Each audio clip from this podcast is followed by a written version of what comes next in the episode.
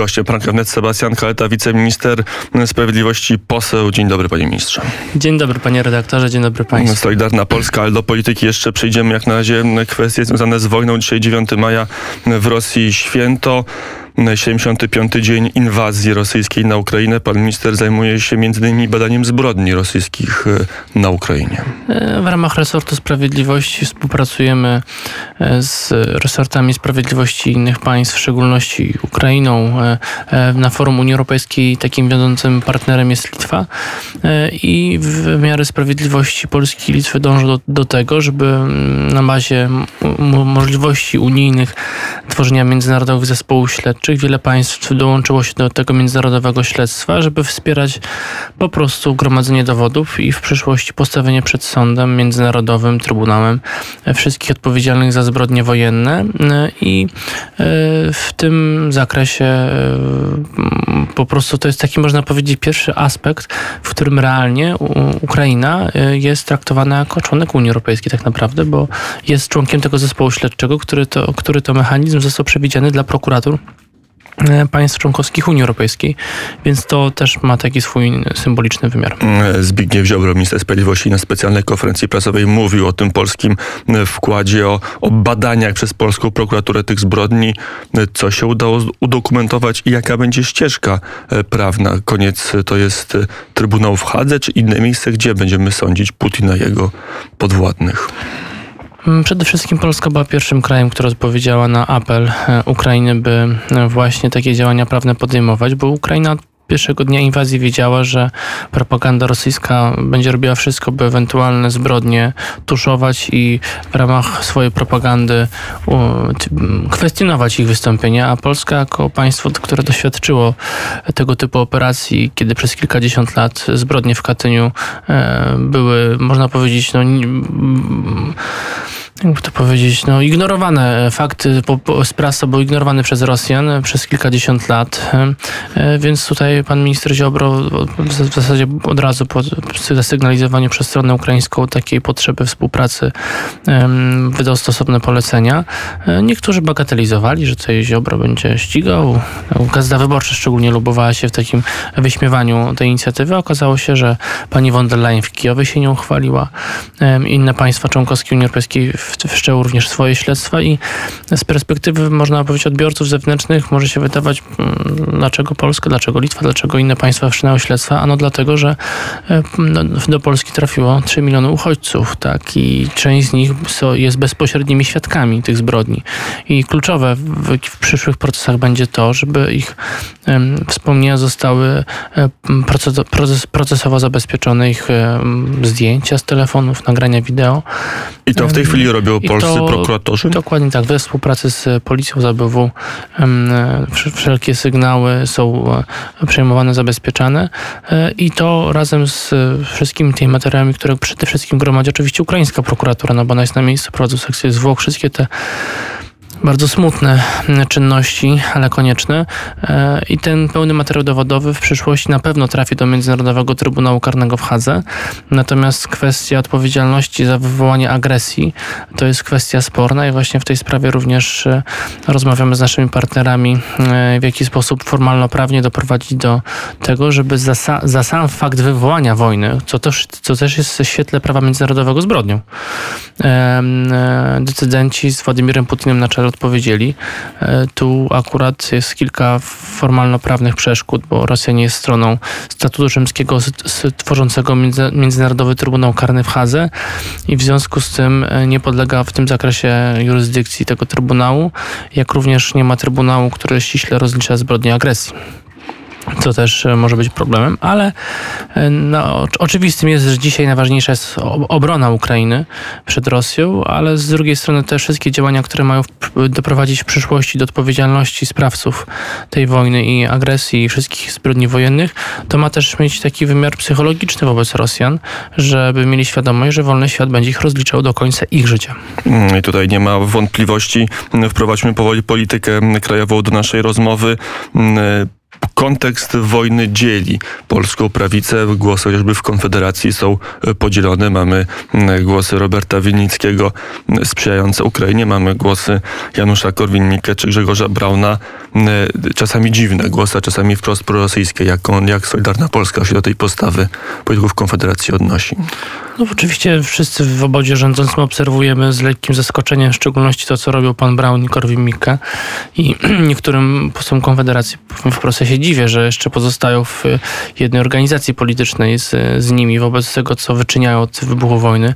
Ja rozumiem, że w pewnych aspektach może dochodzić do takiego sporu na prawicy o intensywność wspierania Ukrainy, o różne ścieżki e, odpowiedzialności za skutki pewnych decyzji, które są podejmowane szybko. Pan minister ma wątpliwości? E, nie, ja tych wątpliwości raczej nie mam. Uważam, że jest to nasza dziejowa konieczność, e, że musimy maksymalnego wsparcia Ukrainie udzielać, ponieważ to będzie sytuowało również nasze moralne prawo do formułowania, formułowania pewnej agendy geopolitycznej w oparciu o generalnie zapewnienia bezpieczeństwa i będzie kamieniem milowym naszej wiarygodności Ale w, rozumiem, w tym w całym procesie.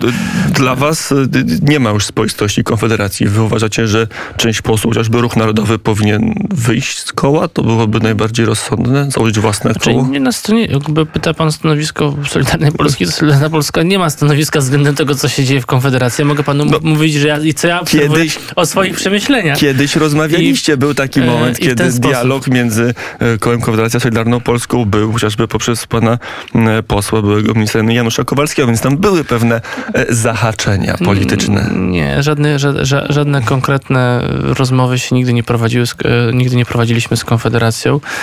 Faktem jest, że są pewne tematy, w których poglądy były zbieżne i były pewne decyzje, które parlament podejmował, w których rzeczywiście w pojedynczych sprawach można nawiązać jakiś roboczy kontakt, żeby sprawdzić, jakie jest stanowisko innych ugrupowań. Natomiast w tej sprawie mogę powiedzieć tylko o swojej obserwacji. E, z mojej obserwacji wynika, że podziały w Konfederacji rzeczywiście są zaskakujące, że akurat y, przyspieszyły w czasie wojny i niektórym politykom e, o poglądach narodowych, no po prostu dziwię się, że mm, jeszcze są w jednej organizacji z Januszem Korwinem Mikke i Grzegorzem Braunem. Mm, przed nami posiedzenie Sejmu 11-12 e, maja. Były nadzieje, że na tym posiedzeniu zostanie uchwalona nowelizacja ustawy o Sądzie Najwyższym, zostanie zlikwidowana Izba Dyscyplinarna. Tak będzie, panie ministrze? To nie są decyzje Solidarnej Polski, niemniej e, do tej pory nie udało nam się przekonać partnerów z koalicji w szczególności z Prawa i Sprawiedliwości, do pełnego poparcia naszych poprawek, które e, zminimalizowałyby pewne ryzyka, gigantyczne ryzyka, które projekt prezydencki wywołuje, bo chciałbym tylko przypomnieć, że reforma sądownictwa no, wlecze się od lat, ale dlaczego się wlecze? Najpierw, kiedy zdecydowano propozycję zrobienia porządku w sądownictwie, e, przedłużyliśmy, pan prezydent ją zawetował w, w imię szukania kompromisu. I gdzie jesteśmy pięć lat po, po podjęciu przez pana prezydenta próby kompromisu? Pan prezydent dzisiaj wycofuje się ze swojej ustawy sprzed pięciu lat i jednocześnie trzeba.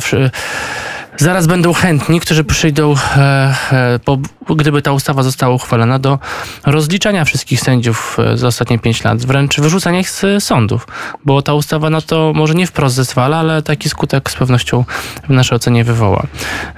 I, ale to jest fundamentalny spór w takim wypadku. Jest, jest możliwy kompromis między ustawą prezydencką a waszymi poprawkami? Przede wszystkim, panie redaktorze, od kilku tygodni niektórzy twierdzą, że Polska nie ma pieniędzy unijnych, bo ta Solidarna Polska tak się uparła na tę Izbę Dyscyplinarną. No otóż Solidarna Polska z kilku miesięcy nie stanowi przeszkody, by Izbę Dyscyplinarną zlikwidować. A dlaczego w związku z tym w takim kształcie ustawa nie jest przyjmowana? Ano dlatego, że Unia stawia coraz to nowe żądania. My dwa lata temu mówiliśmy, nie wolno ulegać żądaniom Unii w, i nie możemy przyjmować unijnego budżetu, dopóki Polska nie dostanie gwarancji wypłaty pieniędzy unijnych. Tak mówiliśmy, że należy wetować budżet, dopóki nie będzie gwarancji wypłaty dla Polski pieniędzy. No, ale no, mówię, no, tera, nie, a teraz pas prezydencki nie będzie mówi, problemu. KRS nie będzie... zachowamy, tylko likwidujemy Izbę Dyscyplinarną, to jest kompromis i e, są pieniądze z Unii Europejskiej i jest zakończony spór. Panie redaktorze, w naszej ocenie ta ustawa pozwala kwestionować rozstrzygnięcia KRS-u i przede wszystkim godzi w prerogatywy pana prezydenta. My dzisiaj bronimy pana prezydenta przed jego własną ustawą. Przed nim samym. Zbigniew Ziobro ratuje pana prezydenta przed no, jego... Panie redaktorze, jeśli za, my, jeśli za, za kilka... Ten cały test niezawisłości może działać w ten sposób że przy, każdy może każdego sędziego zakwestionować. Jeszcze w ogóle w takim e, chaosie organizacyjnym, że E, do każdej nowej sprawy w sądzie będzie można założyć drugą sprawę sędziemu i dopóki ta sprawa sędziego nie zostanie rozstrzygnięta, to nie będzie można prowadzić sprawy głównej.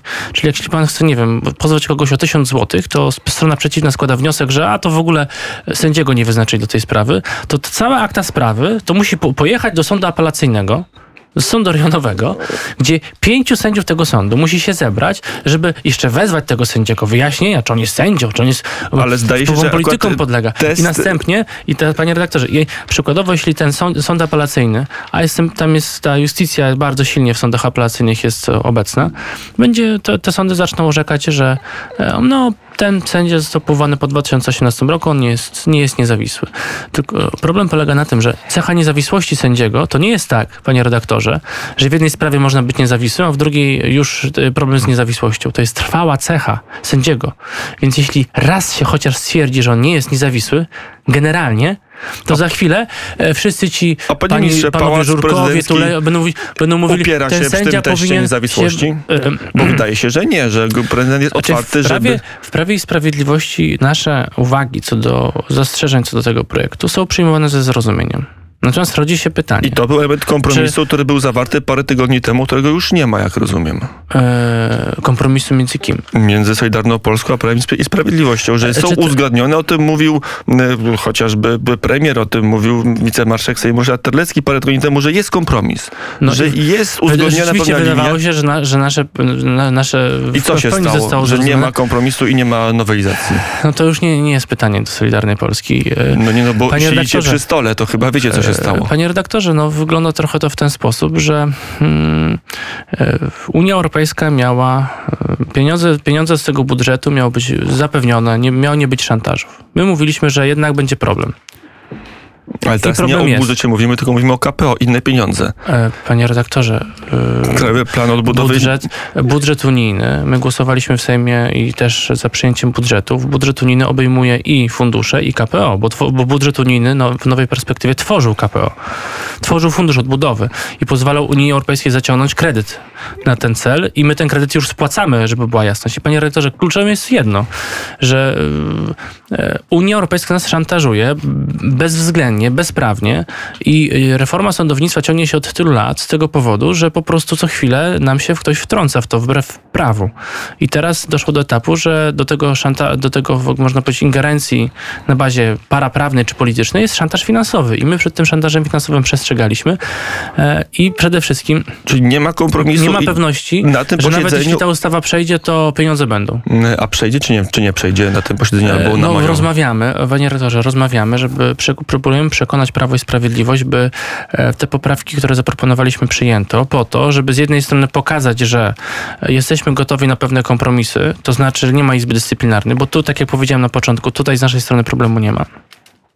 Natomiast z drugiej strony nie pozwolimy na, na to, żeby za trzy miesiące, po prostu, czy za pół roku czy za rok, bo o tym zdecydują sami sędziowie, e, po prostu sądownictwo mogło być sparaliżowane. A potem do kogo pan, pan redaktor zapuka z pytaniem, czy reforma sądownictwa się udała? Do, do nas, czy do, do, do, do, do Ministerstwa do Sprawiedliwości? Ministerstwa czy... Sprawiedliwości, które odpowiada i Zbigniew e, powinno, powinno odpowiadać, ale za reformę sądownictwa od 2017 roku odpowiada pan prezydent. Nie, tak, to, tak się złożyło. Takie A jaki decyzje. jest stan e, koalicji rządzącej? Wystartujecie razem w wyborach, czy osobno? Uważam, że ten projekt, w którym uczestniczymy Mm, czyli projekt Zjednoczonej Prawicy, mm, jest najlepszym projektem politycznym po 1989 roku w Polsce, ponieważ skonsolidował prawicę i pozwolił jej odnosić e, wielokrotnie zwycięstwa wyborcze. I to jest e, dobry przepis na to, by jednak um, konsekwentnie zmieniać Polskę zgodnie z przyjętym wiele lat temu takim programem wyborczym, który oczywiście się zmienia przy kolejnych wyborach,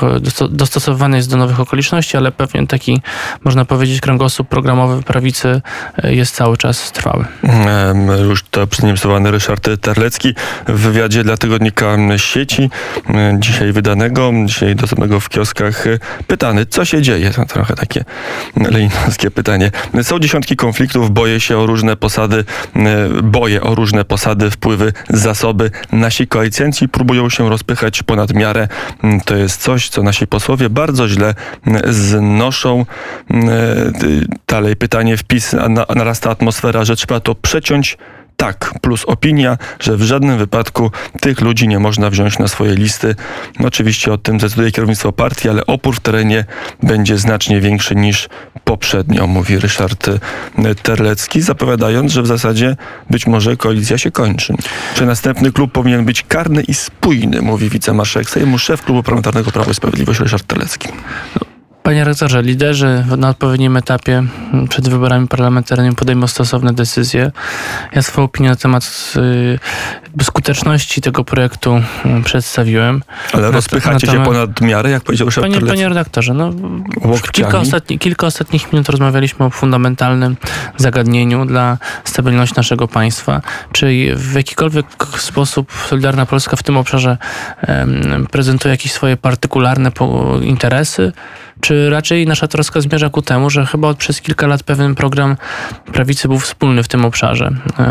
Jedności w, stanowiska polskiego państwa wobec Unii Europejskiej, nie- niedopuszczenia do bezprawnej ingerencji, żeby de facto Unia Europejska re- realizowała swoją agendę polityczną, a nie tę agendę, którą obiecaliśmy Polakom, e, to chyba ciężko jest powiedzieć, że nasze zastrzeżenia mają tej, tego rodzaju charakter, który przedstawił pan marszałek. No, być może niektórzy, bo akurat takich historii jest wiele, niektórzy koledzy w klubie mm, trochę innymi kategoriami patrzą i tutaj rzeczywiście może mm, rodzi to frustrację Bo w mamy gospodarkę, mamy inflację i to jest rozumowanie takie, już zgódźmy się z tą Izbą Dyscyplinarną i dostaniemy niektórzy, pieniądze. Niekt, To to jest- z, z Izbą Dyscyplinarną się my pogodziliśmy. No. Jakby tutaj jakby z, z bólem przyjęliśmy, ale że pan prezydent najpierw wetował, teraz ma inną koncepcję. Koncepcja Ale Izby Dyscyplinarnej na jego- finalnie jest jego tworem. No tak, no tylko, że cały diabeł tkwi w szczegółach, jak tą izbę, jak tą izbę zlikwidować. Nie godzi się na projekt prezydenta, nie godzi się na, na projekt Prawa i Sprawiedliwości, a tu idzie o wielkie pieniądze dla Polski, tak mówi Prawo i Sprawiedliwość, tak mówi opozycja Panie redaktorze, liberalna. e, i lewicowa. Opozycja liberalna z wielką przyjemnością obserwowałaby paraliż sądownictwa i konieczność dalszej zmiany KRS. No przecież to jest ich plan polityczny, więc oni zacierają ręce tylko. I my nie chcemy do tego rąk przykładać, żeby... A czemu przykłada Prawo i Sprawiedliwość? No, jest przeko- przekonane, że te pieniądze unijne popłyną dzięki tej ustawie. A pan minister jest przekonany? Jest, mam daleko posunięte wątpliwości, bo znam listę żądań Komisji Europejskiej w kolejnych krokach. No, likwidacja, zmiana KRS-u, strukturalne reformy w prokuraturze, wpi- wpięcie polskiej prokuratury pod podległość prokuraturze europejskiej, e, zmiany w CBA, zakaz reformy rynku medialnego w Polsce. No generalnie To skoro jesteśmy przy prokuraturze europejskiej, dlaczego nie? My uważamy od początku, że to jest narzędzie, które jest utworzone w celu, w, w celu przyjęcia nadzoru nad kluczowymi elementami polityki karnej państwa. Podam panu przykład. Przykładowo w ostatnich miesiącach Francja zmierzała do tego, żeby na poziomie unijnym zdefiniowane było przestępstwo mowy nienawiści. I my mieliśmy się jako Polska zgodzić na to, żeby to było przestępstwo unijne i to jest decyzja jednomyślna. Ale już e, sama definicja byłaby tworzona roboczo później, be- bez e, prawa sprzeciwu. E, I na przykład mowa nienawiści, jeśli pan by był krytyczny wobec jakiegoś środowiska i pan myślałby, że to jest opinia, to by w świetle tych przepisów było to, byłoby to karane. No i taka prokuratura europejska by pan pilnowała, żeby tego typu sprawy były kierowane przed sądy zgodnie z ich poglądami. I my po- podjęliśmy decyzję, bo tutaj nie- ma obowiązku. Przede wszystkim, jeśli warunkiem wypłaty pieniędzy ma być coś, co jest dobrowolne, bo każde państwo w traktatach ma zapewnione, czy wchodzi, czy nie wchodzi to, do tej prokuratury europejskiej. A nam się mówi, że mamy wstąpić, bo nie dostaniemy pieniędzy. No to chyba te traktaty byłyby łamane, ale ten szantaż już jest stosowany.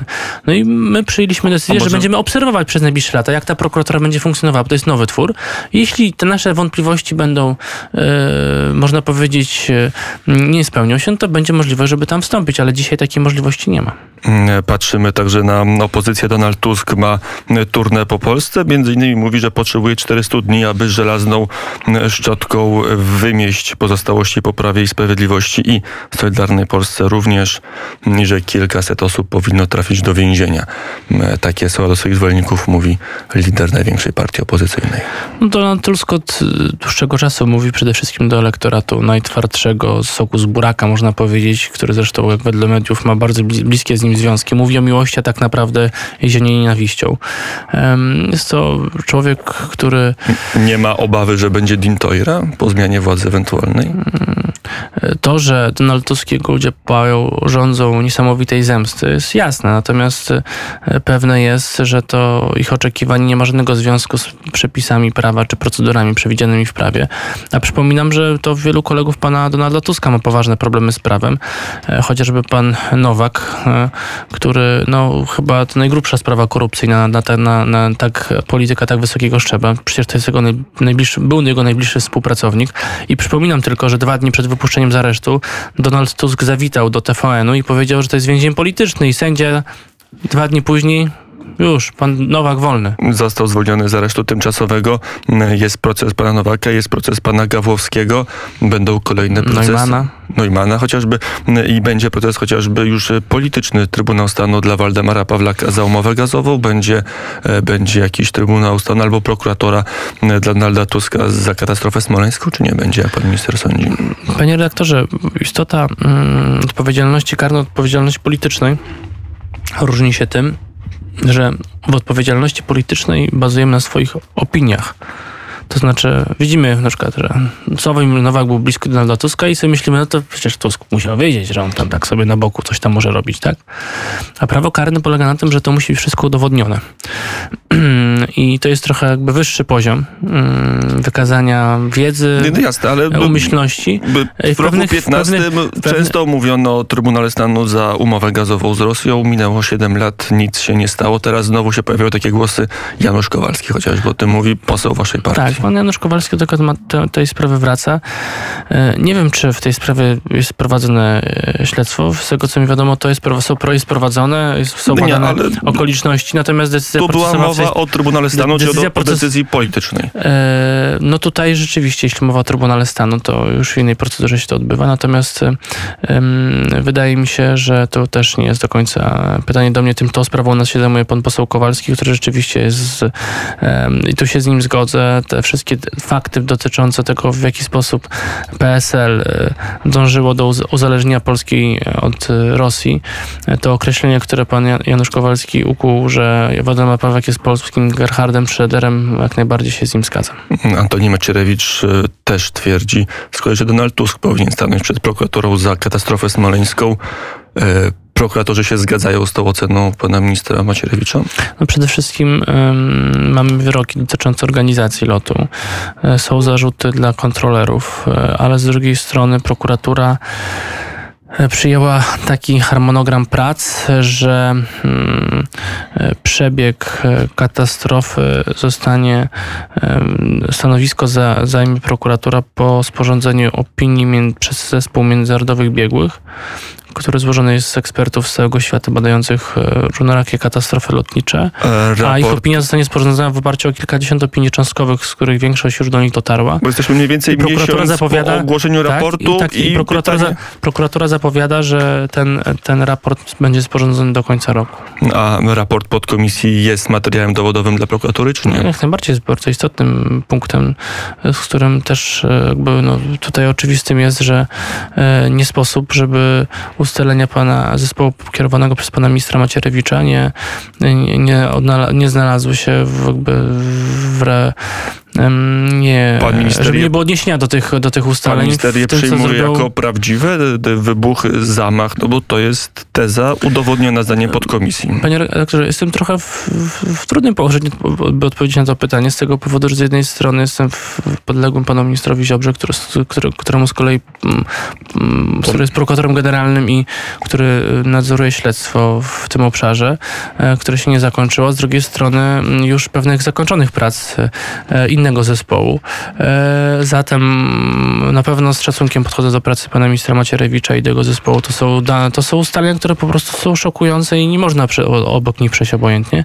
Ale z drugiej strony z takiej też lojalności inst- instytucjonalnej e, wy- wypada, żebym zanim będę otwarcie mówił o swoim stanowisku, e, poczekał do tych ustaleń, które zapowiada prokuratura. Niemniej oczywistym jest, że,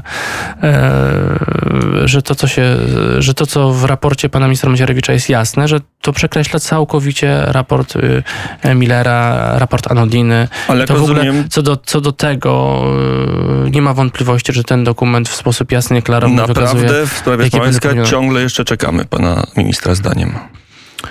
Panie redaktorze, y, ja jestem przede wszystkim no, w tym momencie też urzędnikiem, tak? Y, I jeśli y, katastrofy lotnicze tego typu, pamiętajmy, że prokuratura w 16 roku y, nowy zespół przejął te postępowanie.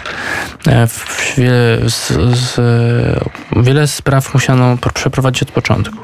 Ale z drugiej strony tam, jest, y, tam są tysiące akt, tysiące tomów akt, które wymagały analizy.